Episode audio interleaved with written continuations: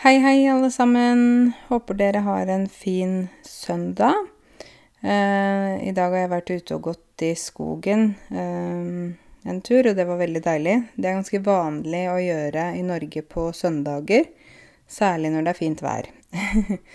så da er det sånn at eh, hvis jeg sitter inne på en søndag og ser at det er fint vær, så er det akkurat som det klør i kroppen min. Du vet, det klør når du liksom har allergi eller utslett. Det klør. Så det klør i hele kroppen min, og da må jeg ut. Og hvis jeg ikke går ut da, så får jeg dårlig samvittighet. Og sånn tror jeg mange nordmenn har det, at hvis vi bare sitter inne når det er fint vær, så er det akkurat som vi eh, på en måte gjør noe veldig dårlig, da. Jeg tror mange nordmenn vil være enig med meg hvis jeg sier det. Ja, hvordan er det hvis du sitter inne hvor det er kjempefint vær en søndag? Eh, hvordan ville du følt deg da? Og da tror jeg veldig mange ville sagt Vet du hva, jeg hadde følt meg helt forferdelig. Det går ikke. Man kan ikke gjøre det. Så jeg har vært ute på tur i skogen med Bahia og en venninne, og gått ut og sett forskjellige folk. Det er jo mange folk man møter på veien, eh, og særlig når man har hund, så treffer man jo på enda flere, på en måte, fordi at eh, der, da kommer man jo i prat. Å komme i prat betyr at man begynner å snakke sammen. Eksempel så kan jeg si Jeg kom i prat med en mann som eh, jobber på Stortinget forrige uke, og han sa at det var mye spennende som foregår. så det er sånn uttrykk, da. Å komme i prat med noen. Men dere eh, det har skjedd uh, flere ting siden sist jeg lagde podkast. Uh, det er jo sånn at det, når jeg lager disse podkastene, så har jeg ikke et manus. Manus, det er jo sånn på en måte plan på hva man skal si. F.eks. hvis man lager en film, så har man et manus der skuespillerne, altså de som spiller i filmen, vet hva de skal si, ikke sant? Her i denne podkasten har jeg ikke noe manus. Jeg har faktisk aldri skrevet ned sånne liksom, setninger hva jeg skal si, men jeg pleier å ha noen punkter. Og når jeg har ett punkt Dere vet at jeg er jo dame. så hvis jeg bare får ett ord, så kan jeg snakke om det i 100 timer. ja, det er litt sånn Sånn er det med damer, da. Vi er noen skravlebøtter. Eh, det betyr at vi snakker mye. Men i hvert fall, jeg har tre punkter på lista mi her. Og så er det jo sånn at denne podkasten er en tankestrøm. Og en tankestrøm, det betyr mange tanker som kommer. En strøm er jo, som dere kjenner til, elektrisitet, men det er også eh, på en måte bevegelse i vann. F.eks. vi sier at det er mye strøm i elva. Da betyr det Du vet, i en elv Hvis du svømmer i en elv der det er mye strøm, så kan du bli dratt under vann. Eh, du kan miste litt kontrollen fordi det er så mye sånn krefter i vannet, da. Altså vannet beveger seg, ikke sant. Det er strøm i elven, eller elva, som jeg sier på min dialekt. Og så kan man ha en tankestrøm. Da er det ikke vann som beveger seg, men det er tanker som beveger seg. Så når jeg lager disse podkastene, så er det en tankestrøm, på en måte, som kommer. Og det jo, kan jo være litt vanskelig å følge med på hva andre tenker, men jeg håper at jeg klarer å snakke på en måte som gjør at dere får litt sammenheng da, i det jeg sier. Jeg er utrolig takknemlig og glad for at det er så mange av dere som lytter til podkastene mine. Um, hvis ikke det var for at folk lyttet til podkastene, så hadde jeg nok sluttet for lenge siden. For podkastene er Det er jo eh, tidkrevende, og det er jo et frivillig arbeid jeg gjør. Jeg får ikke noe penger for å ha disse podkastene, men jeg, jeg, får en glede eh, i hjertet ved at jeg vet at mange har nytte av podkastene, og at de lærer norsk. Dere. at dere lærer norsk, og at dere lærer nye ord, og at dere får kanskje hørt tankene til en nordmann, da. Uh, det er jo ikke så lett å vite hva nordmenn tenker. For nordmenn er jo ganske lukka, kan være i hvert fall. Så her er det altså tankestrømmen til en nordmann. Uh, og på lista mi, som jeg sa, så har jeg tre punkter. Det er Kongsberg, uh, det skal jeg snakke om. Og så ny regjering med Arbeiderpartiet og Senterpartiet. Og så foredrag for Startup Migrants, vi skal fortelle litt om. Eh, men først, dere, eh, dessverre, eh, og helt forferdelig, så må jeg jo fortelle og snakke litt om det med Kongsberg. Dere har sikkert alle fått med dere det i nyhetene, men det var altså i forrige uke at det var en mann som plutselig begynte å skyte rundt seg med pil og bue. Pil og bue er jo sånn egentlig litt sånn Jeg tenker på det litt sånn gammeldags våpen, da, for det er jo sånn man brukte for veldig lenge siden. Pil og bue. Um, men um, det er altså en mann som gikk rundt uh, i en gate i Kongsberg sentrum. Som den gata heter Hyttegata, tror jeg. Fikk med meg det jeg leste i går i VG. Uh, og som jeg har forstått, så gikk han inn i andres hjem. Altså han gikk inn og bare begynte å skyte med pil og bue på folk som bodde der. Og klarte å drepe fem mennesker. Så det var fem drepte, og han klarte å skade tre som ikke døde. Men likevel, de ble jo veldig traumatiserte og skremte, selvfølgelig, av hendelsen. Hendelse, forresten, dere, betyr noe som har skjedd. Så det har vært en forferdelig hendelse i Kongsberg. Da betyr det at det har skjedd noe forferdelig i Kongsberg. Um, så ja. Um, og så, ikke sant, da blir det jo helt sånn når sånne ting skjer, så må jo politiet komme til stedet. De må få stoppet mannen. De må arrestere den personen som gjør dette her. Og det er det jo ikke alltid de får gjort, men de må altså finne det vi kaller for gjerningsmannen. Gjerning er da en handling, noe man gjør. Man kan gjøre gode gjerninger og dårlige gjerninger. Gjerningsmann er da Det bruker vi for både menn og kvinner. Eh, akkurat som nordmann. Jeg er en nordmann selv om jeg er kvinne, ikke sant. Så er dette her Gjerningsmann er da den personen som har gjort Begått det kriminelle. Den kriminelle handlingen, da. Det er en gjerningsmann.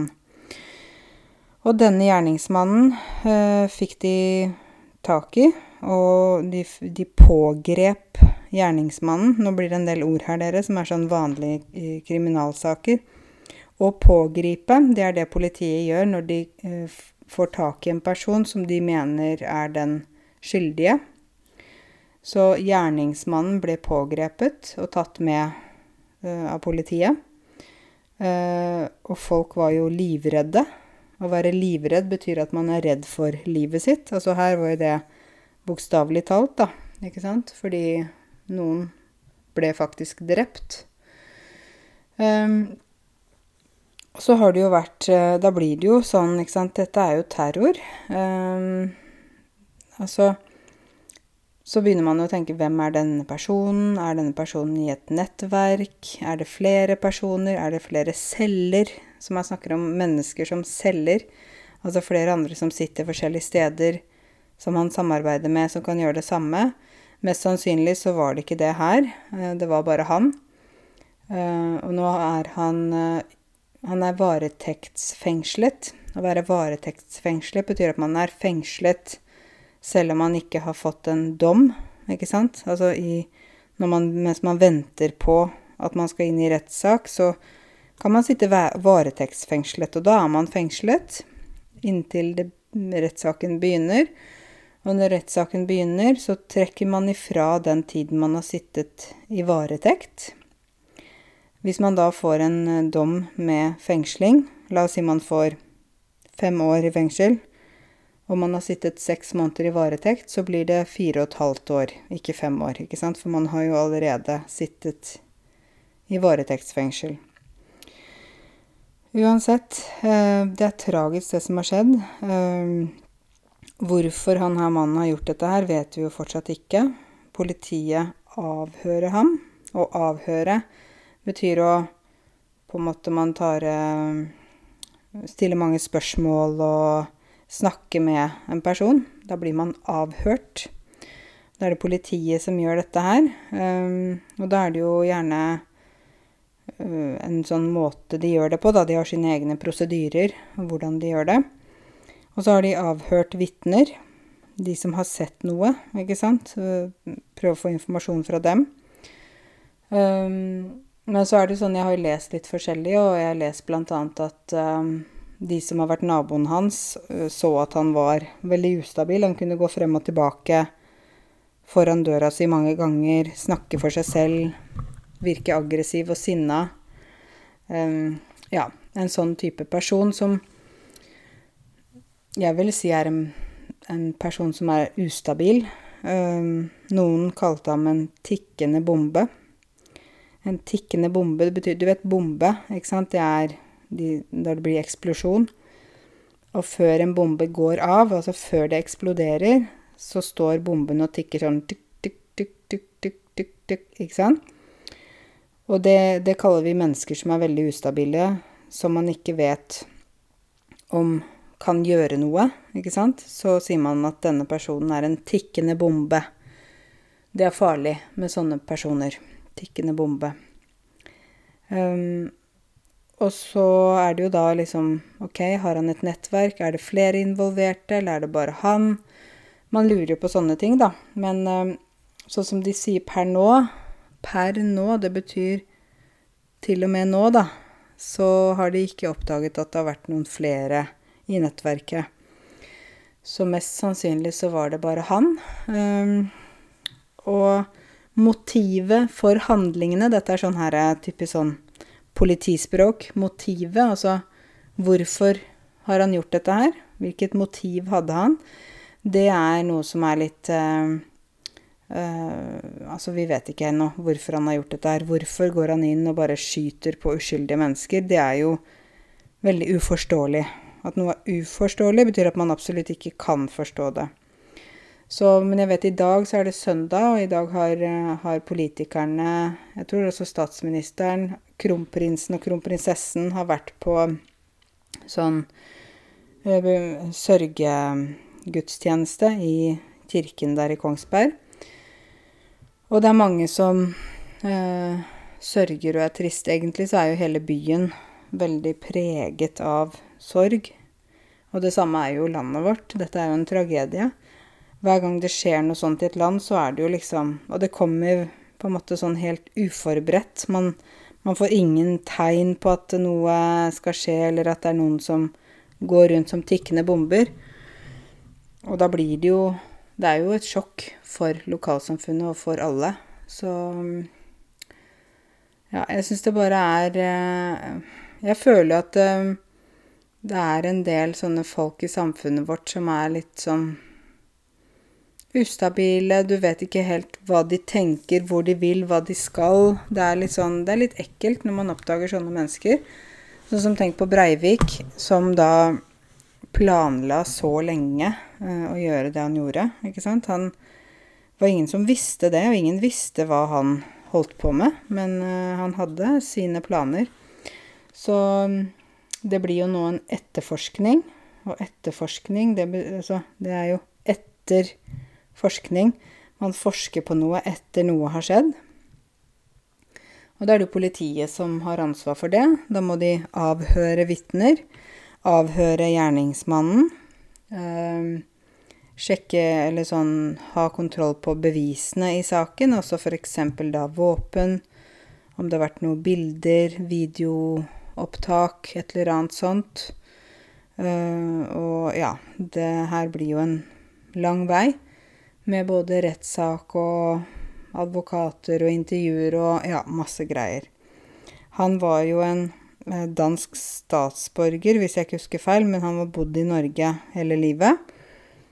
Han uh, var skilt og hadde et par barn, tror jeg. Um, han har sagt at han er muslim, uh, men det har jo Jeg leser at politiet har på en måte gått mer bort ifra det nå, at uh, Ikke sant Det er lett å si sånn Ja, jeg er muslim, men um, han hadde ikke vært noen person som hadde gått i moskeen der og vært en, en synlig person i det muslimske miljøet i Kongsberg, da. Så det kan godt hende at han er en psykisk ustabil person, eller jeg vet ikke jeg, men Uansett hvor psykisk ustabil man er, så er det ingen grunn til å drepe noen, ikke sant. Det er uh, ingen unnskyldning for det. Mm. Det er um, Jeg tenker sånn Hvis vi oppdager noen som virker veldig sånn ustabil eller et eller annet sånt, så, så tenker jeg at det er bra å rapportere det. Hvis man har noen naboer eller det er et eller annet rart som skjer, så er det greit i hvert fall å melde inn, da. Eh, melde fra til politiet. Det hadde jo blitt gjort med denne personen her også, men, men man kan jo ikke heller arrestere ham før han faktisk har gjort noe, da. Ikke sant? Så det er veldig vanskelig. Men eh, ja. Så all kjærlighet til Kongsberg, og dere som bor i Kongsberg, som lytter til denne podkasten sender dere masse varme tanker og tenker på dere. Det er eh, rett og slett en tragedie. Eh, helt forferdelig. Det er det. Um, jeg skal også snakke litt om ny regjering, for vi har jo fått ny regjering. Uh, og den regjeringen som er nå, det er da mellom Arbeiderpartiet og Senterpartiet. Um, SV, altså Sosialistisk Venstreparti, trakk seg ut av forhandlingene Forhandlinger, det, det, gjør man når man er sånn Når man diskuterer frem og tilbake og prøver å bli enige om noe. Det kalles forhandlinger. Og de satt jo i forhandlinger på Hurdal. Jeg vet ikke om noen av Kanskje noen av dere bor på Hurdal? Eh, de satt jo Var det to uker, eller det var ganske lenge de satt i forhandlinger? Da sitter partiene sammen og prøver å finne ut hvordan de kan samarbeide. Hvordan de kan på en måte få til en plattform, um, slik at de kan få til noe nytt innenfor politikken, da. Men Sosialistisk Venstreparti, SV, med Audun Lysbakken som er leder, de følte at det for dem å sitte i regjering med Arbeiderpartiet og Senterpartiet ville gå mot deres uh, grunnverdier det Senterpartiet og Arbeiderpartiet ønsker, ønsker mye av det, ønsker ikke SV. Og da er det jo naturlig for SV å trekke seg ut av det samarbeidet, og heller se om de kan påvirke eh, politikken selv om de ikke sitter i regjering, ikke sant. Fordi at uh, vårt system er jo basert på et demokrati, så det er ikke sånn at de partiene som sitter i regjering, at de bestemmer alt likevel. Ikke sant? Fordi man må jo på Stortinget stemme og bli enige om forslag. Og hvis det er nå da eh, Senterpartiet og Arbeiderpartiet kommer med et forslag til noe, f.eks. en lovendring, der de er enige, så må man jo se på den andre siden. Hvor mange er det som er uenige? Og så ser man hva de kan gjøre, og hva de ikke kan gjøre. Så selv om nå det er en ny regjering, så betyr ikke det likevel at de kan gjøre absolutt alt de vil. Det fungerer ikke sånn heller. Så det er, eh, det er et komplekst eh, system, dette her, da. Men eh, det blir spennende med ny statsminister. Uh, og mm, det er jo nye ministre som nå kommer. Nå har det jo vært en del ministre som har sittet i flere år og hatt sine poster. Å ha en post, det betyr at man er man er en eh, minister innenfor et, eh, et eller annet felt, f.eks. kulturminister eller finansminister eller sosial- og arbeidsminister. Jeg husker ikke helt hva tittelen er. Men det er i hvert fall forskjellige typer ministre, da. Og øh, Støre, altså Jonas Gahr Støre, som er vår statsminister nå, han har jo bl.a. valgt uh, en del kvinner til ministre. Han har valgt også Emilie Hva heter hun? Emilie Enger Mehl? Nei, Emilie Mehl, et eller annet. Som er Hun var bare 28 år til en ministerpost, og det er ganske modig gjort, syns jeg, å velge en såpass ung jente. Men av og til tenker jeg at det kan jo være en fordel å ha de som er unge også, fordi de kanskje ser på ting med nye øyne. De er litt mer det vi kaller for eh, fremoverlent. Og det å være fremoverlent betyr at man er veldig sånn ivrig, eh, kanskje nytenkende, eh, ønsker å få noe til å skje. Så det blir spennende. Vi får se. Um, vi får rett og slett bare se. De har jo ikke begynt ennå engang, så, så vi må bare vente og se. Men min erfaring er i hvert fall at uansett hvem som sitter og styrer i landet, i Norge, da, så er det ikke sånn kjempestore forskjeller fra den ene til den andre. Det er ikke sånn at jeg tenker at oi, når vi nå bytta til Arbeiderpartiet, så ble alt forskjellig, og alt ble nytt, og vi måtte endre masse. Nei. Sånn er det ofte ikke. Fordi Politiske prosesser tar tid, og man må, sant, man må stemme, man må sende inn liksom skriftlig eh, sånn eh, Hva skal jeg si eh, Forslag til hvordan ting skal endres. Altså, det tar så lang tid, da, så politiske prosesser er ikke noe som skjer over natta. At noe skjer over natta, det er sånn uttrykk. Det betyr at det skjer fort, ikke sant. Så politiske endringer skjer ikke over natta. Det kan jeg si. Og det å bli god i norsk, øh, veldig god i norsk, skjer heller ikke over natta. For det krever mye jobb og prioriteringer. Så, men noen ting skjer over natta. Ikke, men ikke så mye.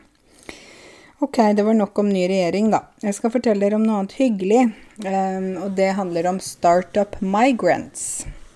Og det er um, Det ble startet i Tyskland av uh, Jeg vet ikke helt om det var noen sånne unge, unge folk der. Unge entreprenører. Som startet en sånt um, slags Eh, camp for innvandrere som ønsker å starte bedrift. En slags forskole, da, der de har en samling som er eh, på tre dager. Der har de folk som tenker på å starte bedrift. Så er de samlet i tre dager. Da lærer de om alt fra hvordan starte bedrift, hvordan sende inn papirer, til Brønnøysundregisteret, som det heter i Norge. Eh, hvordan gjør man det med skatt? Mange er jo veldig bekymra og redd for det. Hvordan kan jeg, hvis jeg har eget firma, hvordan kan jeg da øh, fikse dette med skatt, hvis ikke det blir trukket automatisk? Må jeg selv spare penger til skatt, eller hvordan er det? Hvordan skal jeg finne et firmanavn? Hvordan kan jeg prøve å få penger fra investorer? For det er jo mange investorer som da jobber med å investere i selskaper, eh, der de eh, gir penger, eh, en viss sum penger, mot at de kanskje får f.eks. 3-4-5% av inntektene til det nye selskapet, da. Så det er jo også noe som er veldig populært for de som skal starte nye firmaer, og finne seg en investor. Og jeg ble oppringt av Startup Migrants fordi de lurte på om jeg ville ha et foredrag for dem på deres forskole i Oslo. De hadde en forskole i Oslo eh, der de hadde samlet ca. 20 personer som alle ønsker å starte bedrift. Noen har kommet langt i prosessen, andre vet ikke hva de skal selge eller hvilken type bedrift de skal ha, men de vet at de ønsker å starte sin egen bedrift, ikke sant? Eh, men alle er innvandrere eller har innvandrerbakgrunn. Eh, så jeg sa ja. Dere vet, jeg har jo sagt til dere før at det med å si ja når du blir spurt om noen ting, det kan lede til mange spennende uh, veier. Jeg, har, jeg, pleier nesten alltid å si ja hvis jeg blir spurt om liksom Du, kan du gjøre sånn, eller du, har du lyst til å være med på det, eller du, Karense, kunne du tenkt deg det og det og det? Så pleier jeg å si ja, og det er rett og slett fordi at jeg, jeg er nysgjerrig, og jeg tenker at Istedenfor å bare si nei med en gang, så er det mer interessant for meg å si ja, og så heller liksom se hvordan det går. Eh, og da Det har gjort at jeg har gjort mange spennende ting i livet mitt. Alt fra når det gjelder arbeid og jobb, til nye vennskap, til mange steder jeg har reist, til ting jeg har opplevd, fordi jeg har sagt ja. Fordi jeg ikke har tenkt liksom 'Å, nei, nei, nei, nei, det tør jeg ikke, det kan jeg ikke', men jeg har bare sagt ja. Ja, hvorfor ikke? Og plutselig så står jeg da en fredag og holder foredrag for Startup Migrants. Det var utrolig hyggelig. Og da var jo det et foredrag der jeg skulle snakke om dette her med å skape min egen bedrift. Um, hva, hva, er det jeg anbefaler de å gjøre? Hva er det jeg ikke anbefaler de å gjøre? Har jeg gjort noen feil som jeg vil at andre skal unngå? Har jeg gjort noe riktig som jeg kan anbefale andre å gjøre? Og det var jo veldig interessant for meg også å holde et sånt foredrag, for jeg har jo gjort meg mange erfaringer. Det å gjøre seg erfaringer, det er en sånn måte å, å si å få erfaringer, da. Jeg har gjort meg mange erfaringer i, i disse årene jeg har drevet uh, skolen min. Jeg startet jo den i 2015 nå er vi 2021, så det er seks år. Um, først så var jeg jo veldig, som mange, da, jeg var jo veldig redd for dette her med skatt. Og hvordan skal jeg gjøre det, hvordan skal jeg Åh, hva skal jeg gjøre, liksom, skatt Hvordan kan jeg betale inn skatt, eller jeg forsto ikke det systemet der. Og selv om jeg er norsk, så var det likevel en verden jeg ikke kjente til. Uh, det var en verden jeg var litt redd for å gå inn i. Men heldigvis så hadde jo min mamma firma, for hun er jo interiørdesigner, og hun har hatt sitt eget firma i mange år, så jeg kunne spørre henne. Men jeg husker godt at en kamerat av meg sa Du, Karense, jeg vet at du ikke har tjent noe penger på firmaet ditt ennå, og du kanskje ikke har råd, men jeg anbefaler deg å skaffe deg en regnskapsfører fra dag én. En person som kan fikse regnskapet ditt. Som gjør at når du har kvitteringer, fakturaer og alt sånn, så tar denne personen og fikser det, og har orden på alt, slik at ikke noe blir tull. Han sa hvis du gjør det, da kommer du til å sove godt om natta. Så tenkte jeg ok, jeg tror det er et godt tips, fordi han har jo en bedrift, og en bedrift som går veldig bra, så jeg tror jeg skal høre på han, husker jeg at jeg tenkte. Så jeg skaffet meg regnskapsfører, og har hatt den samme regnskapsføreren nå i seks år, og er veldig fornøyd. For den personen, Svein som han heter, han kjenner jo firmaet mitt ut og inn. Han vet om alle liksom eh, ting vi har gjort, og hvordan vi har utviklet oss, og masse sånn. Og det er veldig verdifullt for både meg og de ansatte, da. Og så um, husker jeg at jeg skulle få meg websider. Og da tenkte jeg For da hadde jeg ikke noe penger. Jeg var jo øh, Ja, jeg var jo på en måte vanlig ansatt, da, i kommunen. Og hadde ikke så mye sparepenger. ja, for jeg var jo ferdig Jeg var jo ferdig utdannet i 2010. Men ikke sant, jeg hadde ikke rukket å å spare opp så mye penger. Jeg hadde ikke masse ekstra penger. Så jeg husker jeg eh, fikk en sånn Det var en webside som heter Design Crowd, som er da en, eh, en nettside der mange designere fra hele verden er medlemmer.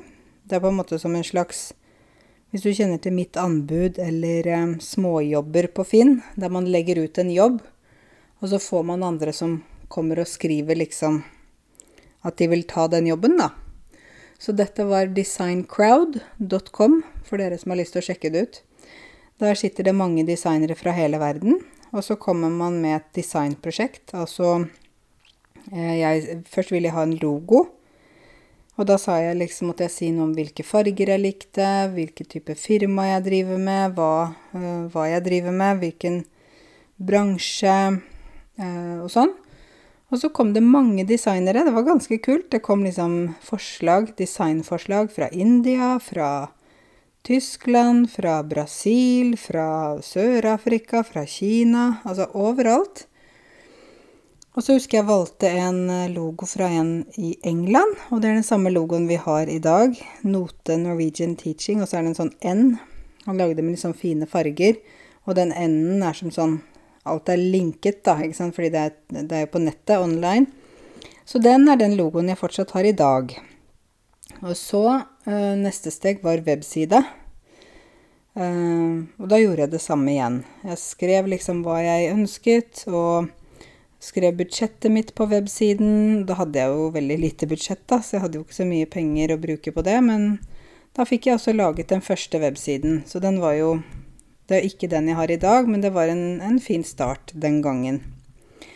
Så alt sånt uh, som jeg har lært, da, tok jeg med meg og fortalte til disse som ønsker å starte bedrift. For da Jeg tenker at uh, det å dele erfaringer og snakke om hva som er bra, og hva som ikke er bra, som man bør gjøre på en annen måte, det er jo veldig nyttig. Uh, Istedenfor at de skal gå og gjøre samme feil som meg så kunne jeg fortelle liksom gjør det og ikke gjør det, og gjør det og ikke gjør det. Uh, og da sa jeg jo veldig tydelig til dem det bedre å vokse sakte, der du har kontroll, og der du klarer å bygge firmaet på en god måte, enn at du skal vokse altfor fort, og så plutselig så går alt ut av kontroll, da. Det er jo ikke så veldig hyggelig. Så det er bedre å ha litt oversikt. Så det er som jeg sier det der når du kjenner at skoene er for trange, det er et uttrykk, da. Å kjenne at skoene er for trange betyr at eh, nå er det på tide å bytte sko. Det betyr nå er det på tide å gjøre en forandring. Så hvis du har et firma og du kjenner at oi, nå er skoene for trange, nå trenger jeg f.eks. en ansatt til, eller nå trenger jeg større lokaler, eller nå må jeg få en ny webside, ikke sant, sånn, da må man bytte sko. Da må man gjøre noe med saken. Så ja, jeg syns det er veldig flott at Startup Migrants har en sånn forskole, altså tre dagers gratis camp, hvor de er på et hotell eller noe sånt, og de rett og slett gir dem kurs, da. Lærer dem om alt de trenger å vite før de starter firma. Og så følger de de også opp folk videre hvis de er interessert i det. Fantastisk bra tiltak. Og jeg håper jo at flere innvandrere vil starte bedrift, nettopp fordi uh, ja, vi trenger uh, folk som har ideer og kommer med nye ting i Norge. Mange av dere kan mye fra hjemlandet, uh, kan komme med masse spennende ting som Norge ikke har fra før.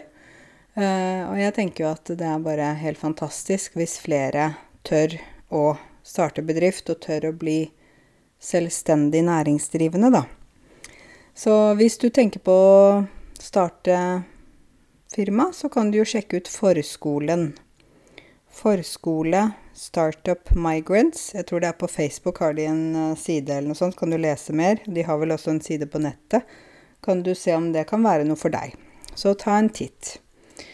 Um, men dere, det er jo sånn at jeg uh, har jo bedt dere om å uh, fortelle liksom litt om dere selv, eller hvis noen har lyst til å dele sin historie og sånn.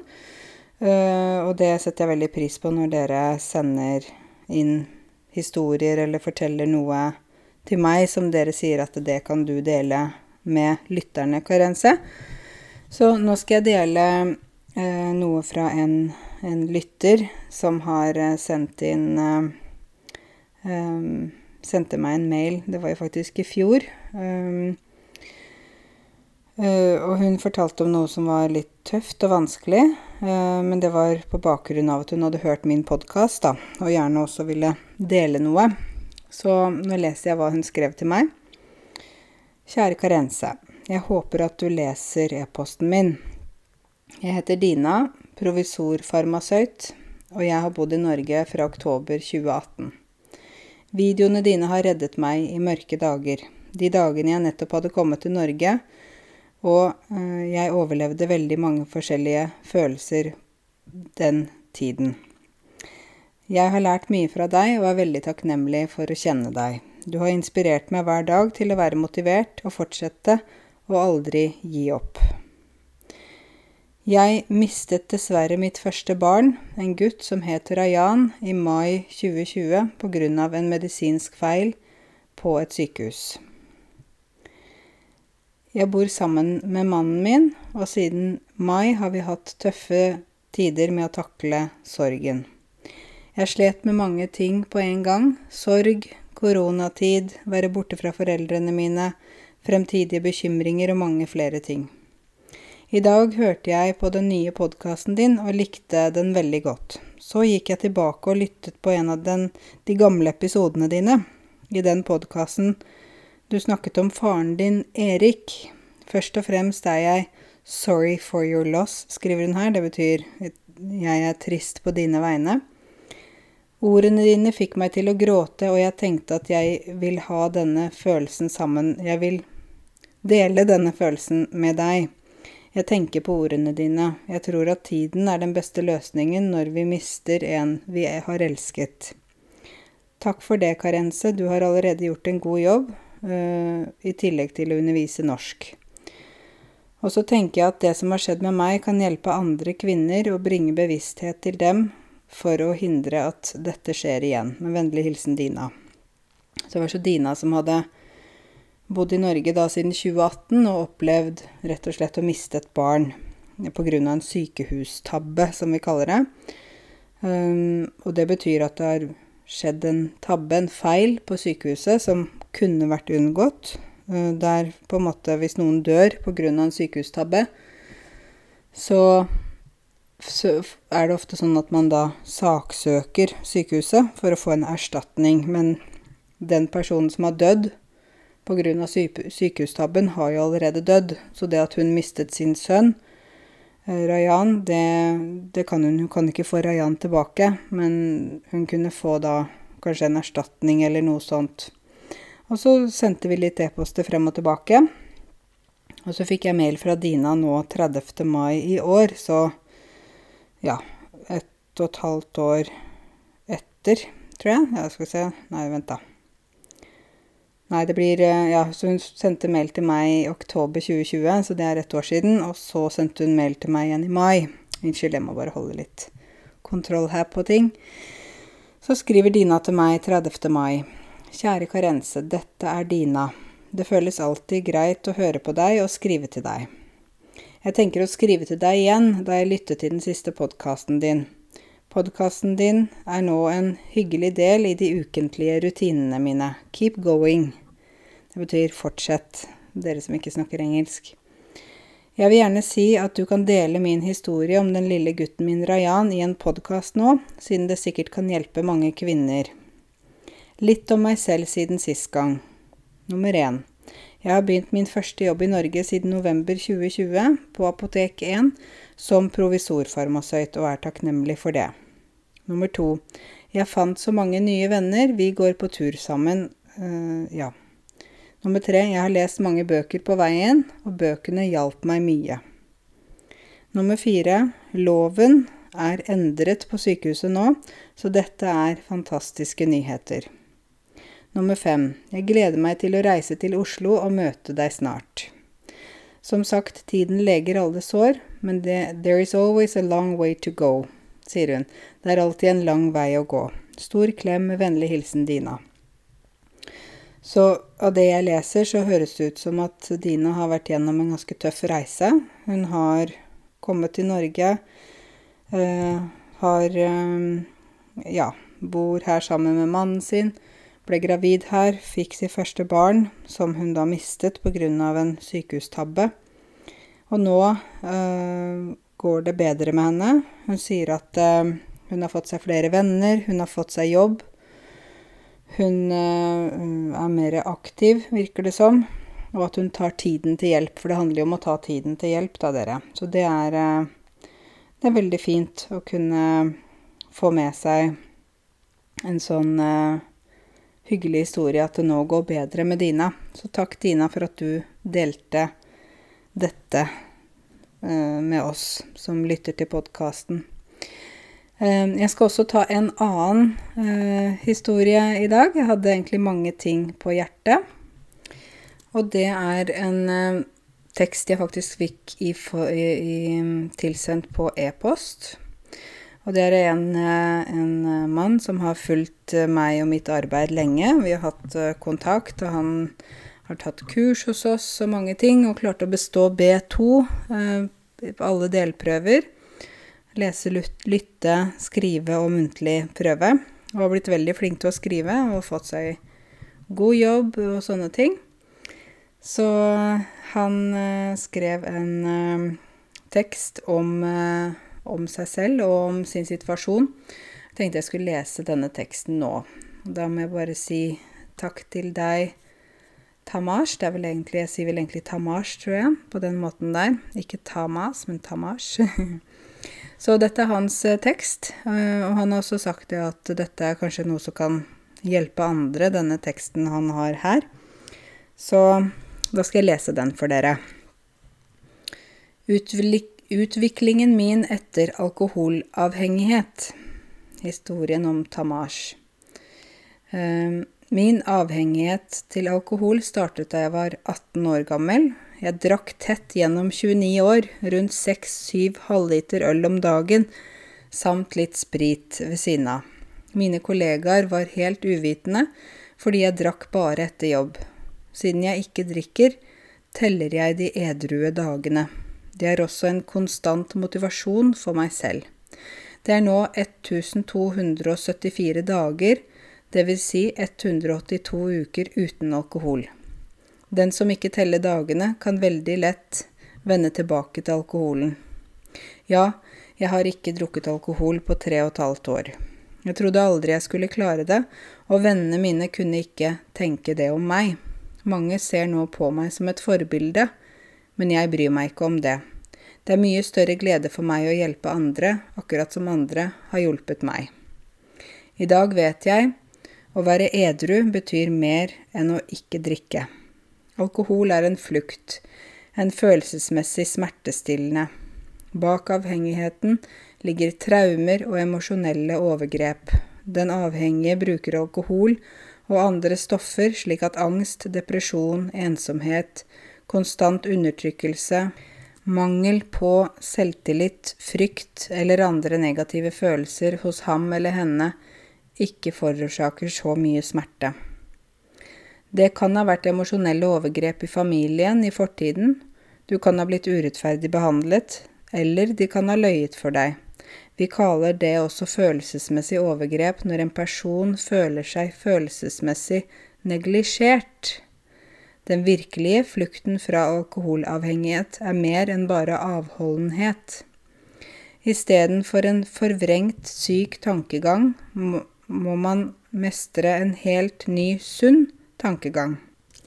Det tar tid, og i mange tilfeller må også følelser læres på nytt. Jeg må jobbe med meg selv hele tiden, og det er essensielt at jeg kjenner meg selv for å være i stand til å utvikle meg videre. Tilbakefall er veldig vanlig, og det sies at man faller mye dypere, men jeg har ennå ikke hatt noen. Når man går ut av sin komfortsone, forlater man en kjent verden og endrer sin livsstil. Det er en ustabil og sårbar tilstand, hvor man ikke får oppmuntring heller, og det er derfor mange tilbakevendende saker. Noe av det vanskeligste med å slutte med avhengighet er å ikke gå tilbake. Jeg passer veldig godt på å ikke falle tilbake, fordi jeg vil da ødelegge alt jeg har bygget opp på tre og et halvt år. Livet mitt har endret seg på en måte som jeg aldri trodde var mulig. Jeg skriver alltid ned de positive endringene jeg har opplevd siden jeg sluttet å drikke alkohol. Da jeg drakk, opplevde jeg ikke disse egenskapene. Da jeg drakk, følte jeg at verden ikke forsto meg. Min kone spurte meg hvordan jeg ser dette.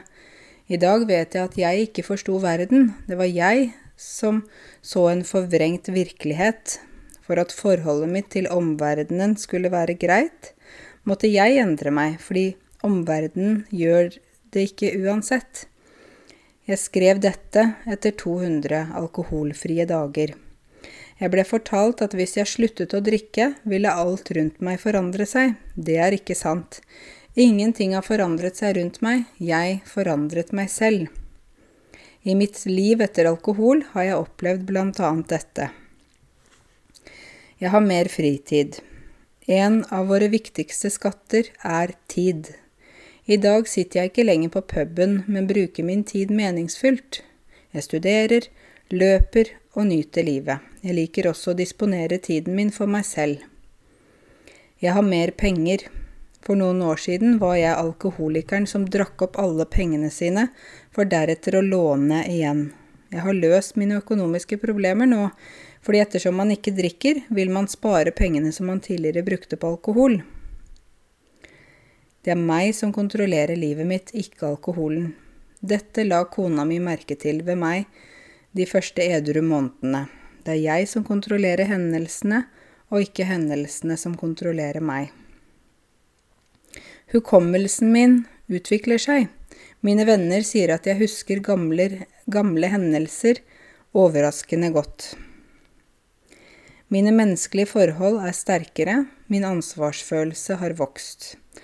Alkoholikeren er egoistisk. Han er bare interessert i at han må drikke nå. Da jeg drakk, forsømte jeg menneskene rundt meg, og da jeg sluttet, la jeg merke til dem.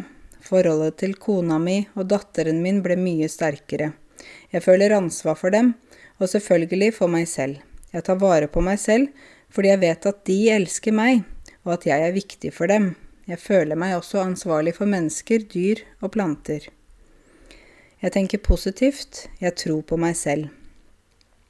Folk med rusavhengighet pleier å tenke veldig negativt, og det er veldig vanskelig å bryte ut av det. Nå tenker jeg mye mer positivt. Jeg tror på meg selv, og jeg er initiativrik. Jeg setter meg alltid mål, og vanligvis er målene som jeg før var litt redd for, slik at jeg klarer å oppnå disse nå etter hvert. I disse tilfellene føler jeg at usynlige krefter kommer for å hjelpe meg. Stolthet, selvrespekt og selvkjærlighet. Dette er følelser som bare en fri person kan føle. Den som er avhengig av alkohol, er ikke en fri person.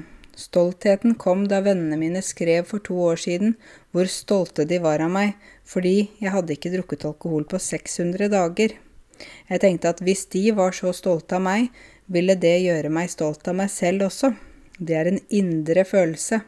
Best av alt, det er jeg som skaper denne stoltheten for meg selv ved å ikke drikke alkohol. Jeg følte selvrespekt også den dagen fordi jeg besto norskprøve B2 skriftlig. Ifølge læreren min er det bare 4% av elevene som lykkes, og jeg klarte det på første forsøk. Jeg studerte veldig hardt til eksamen over flere måneder. Det var da jeg begynte å respektere og sette pris på meg selv. Selvrespekt betyr at man er fornøyd med seg selv permanent. Man skal elske seg selv, slik at andre ikke faller ut av ens hjerte. Den som elsker seg selv, vil ikke ødelegge sitt eget liv med alkohol. Elsk deg selv fordi det viktigste forholdet du har, er forholdet til deg selv. Jeg vet at det er vanskelig å slutte å drikke alkohol, men tro meg, det er verdt det. 90% av alkoholikere vil heller dø enn å slutte. Du skal velge livet. Valget er ditt, og så ansvaret. Var ikke det en fin tekst, dere? Jeg syns jo det var veldig modig av Tamash å dele denne teksten her. Um, samtidig må jeg si bare wow, helt fantastisk, Tamash, at du har klart å være uten alkohol så lenge, da du har virkelig jobbet med deg selv, og du har jo vært uh, alkoholiker i veldig mange år. Så dette her er bare helt utrolig. 1274 dager. Eh, det er helt utrolig. Så tre og et halvt år uten alkohol. Eh, og det at du har tatt tak i livet ditt og virkelig eh, gjort en stor forandring Du bruker nå tiden din på en annen måte. Du lærer noe nytt. Du går videre. Du går fremover. Du tenker positivt. Du benytter deg av mulighetene du får, ikke sant. Alt det der er bare veldig fantastisk. Og dette her med alkoholavhengighet, det er jo en én type avhengighet, men det finnes jo mange forskjellige avhengigheter, og uansett hva vi er avhengig av Det å være avhengig betyr at man må ha noe, akkurat som hvis noen er avhengig av uh, røyk, tobakk, så er de Ikke sant, de må ha det. Hvis noen er avhengig av alkohol, så er de alkoholikere og må øh, drikke alkohol. Hvis noen er avhengig av f.eks. dop, narkotika, noen er avhengig av øh, Altså alle er avhengig av mat, men noen bruker mat på en negativ måte. Spiser for mye, f.eks. Eller noen bruker dette her med spilling. Øh, spille på maskiner eller spille sånn lotteri, ikke sant. Alle, den, alle avhengigheter eh, gjør at man blir forhindret i livet sitt. Da man klarer ikke å gå videre, man klarer ikke å fokusere på det som er viktig. Fordi at man er, tenker hele tiden på den avhengigheten man Er man alkoholiker, så vil man drikke, ikke sant? Man tenker ikke på å gå framover og videre. Så det at du, Tamash, har klart dette her, det er bare en Vi kaller det for på norsk en bragd. En stor bragd. Det er fantastisk bra gjort. Og til alle dere der ute som enten selv er avhengig av noe, alkohol eller narkotika eller eh, mat eller eh, hva det måtte være, eller dere kjenner noen som har en avhengighet, eh, så vil jeg jo si at hvis man klarer å komme ut av det, så er det virkelig en stor bragd. Bragd kaller vi det på norsk, fordi det er ikke lett. Så Vær en støtte for de rundt dere hvis dere kjenner noen som er inne i noe sånt. Uh, og prøv å, å, være et sånn lyspunkt da, i andres liv, sånn at de kan ha tro på seg selv og finne tilbake til seg selv. Det tror jeg er veldig viktig. Så dere, dette var min tankestrøm, og litt, delte litt fra noen lyttere. Hvis det er noen andre som har noe de har lyst til å dele med oss, så er det bare å si fra.